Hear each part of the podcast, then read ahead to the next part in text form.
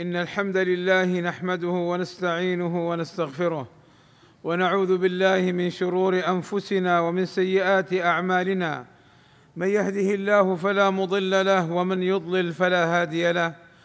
وأشهد أن لا إله إلا الله وحده لا شريك له. وأشهد أن محمدا عبده ورسوله. يا أيها الذين آمنوا اتقوا الله حق تقاته ولا تموتن إلا وأنتم مسلمون. إن أصدق الكلام كلام الله وخير الهدى هدى محمد صلى الله عليه وسلم وشر الأمور محدثاتها وكل محدثة بدعة وكل بدعة ضلالة وكل ضلالة في النار. أما بعد فاتقوا الله عباد الله وتوكلوا عليه فنعم المولى ونعم النصير. عباد الله يقول المولى سبحانه وتعالى إنما المؤمنون إخوة. ويقول عز وجل والمؤمنون والمؤمنات بعضهم أولياء بعض. وقال صلى الله عليه وسلم مثل المؤمنين في توادهم وتراحمهم وتعاطفهم. مثل الجسد إذا اشتكى منه عضو تداعى له سائر الجسد بالسهر والحمى. فالمؤمنون إخوة يساند ويساعد بعضهم بعضا خاصة عند المصائب والمحن. وما يمر به إخواننا في غزة من القتل والتدمير والظلم وقطع ضرورات الحياة عنهم من الماء والطعام فضلا عن الكهرباء والتهجير من الصهاينة أعداء الله وأعداء المسلمين. لهو مصيبة كبيرة وبلوة جليلة مما جعلهم في أمس الحاجة إلى إعانتهم والوقوف إلى جنبهم كل حسب قدرته واستطاعته.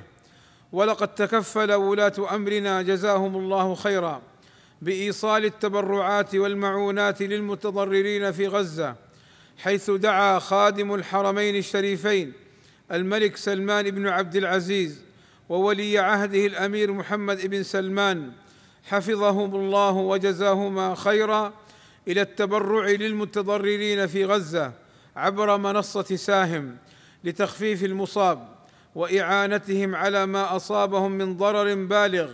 فلنعن إخواننا بما استطعنا فهم محتاجون لكل معروف وصدقة.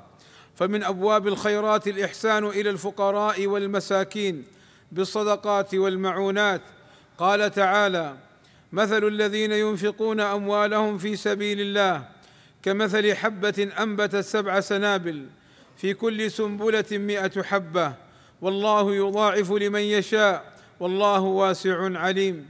وقال صلى الله عليه وسلم من كان في حاجة أخيه كان الله في حاجته ومن فرج عن مسلم كربة فرج الله عنه بها كربة من كرب يوم القيامة.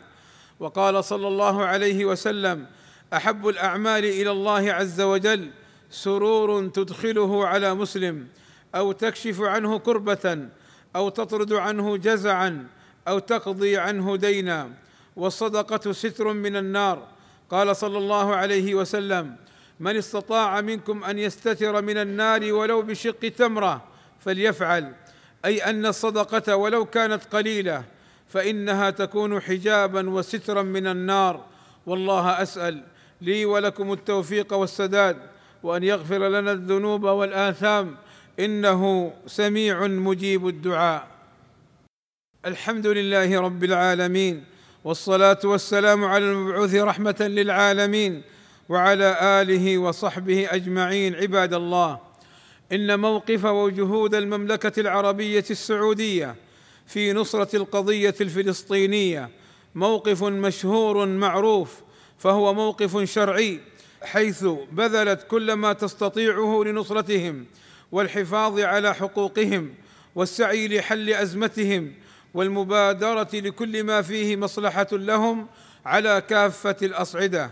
كتب الله أجرهم وشكر سعيهم. وإن جهود المملكة العربية السعودية جهود فعالة عملية نافعة بإذن الله ليست شعارات زائفة أو كلمات فارغة أو هتافات رنانة. وما يحاوله بعض المغرضين المتآكلين من المرتزقة والسفهاء والجهال من التشكيك في موقف ولاة أمرنا لهو مجرد فقاعات وخيوط عنكبوت هشة لا أصل لها. فكل مسلم صادق يعلم يعلم صدق حديثهم ونفع أعمالهم بإذن الله تعالى وقوة جهودهم في خدمة الإسلام والمسلمين عموما وفي القضية الفلسطينية خصوصا. عباد الله إن الله وملائكته يصلون على النبي. يا أيها الذين آمنوا صلوا عليه وسلموا تسليما. فاللهم صل على محمد وأزواجه وذريته كما صليت على آل إبراهيم. وبارك على محمد وأزواجه وذريته كما باركت على آل إبراهيم إنك حميد مجيد. وارض اللهم عن الخلفاء الراشدين أبي بكر وعمر وعثمان وعلي. وعن جميع أصحاب النبي صلى الله عليه وسلم والتابعين لهم بإحسان. يا أكرم الأكرمين. اللهم فرج هم المهمومين واكشف كرب المكروبين. اللهم انج المستضعفين في فلسطين وأعذهم من شر عدوك وعدوهم يا رب العالمين. اللهم ارحم ضعفهم واجبر كسرهم وآمن روعاتهم واستر عوراتهم. اللهم أطعمهم من جوع وآمنهم من خوف اللهم عليك بمن بغى عليهم من الصهاينة الظالمين الغاشمين ومن أعانهم على بغيهم فإنهم لا يعجزونك يا رب العالمين. اللهم آمنا في أوطاننا وأصلح أئمتنا وولاة أمورنا. اللهم وفق ولي أمرنا الملك سلمان بن عبد العزيز وولي عهده الأمير محمد بن سلمان. اللهم وفقهما بتوفيقك وأيدهما بتأييدك واجزهم عن نصرة إخوانهم في غزة. خير الجزاء يا سميع الدعاء. والصلاة والسلام على المبعوث رحمة للعالمين. والحمد لله رب العالمين.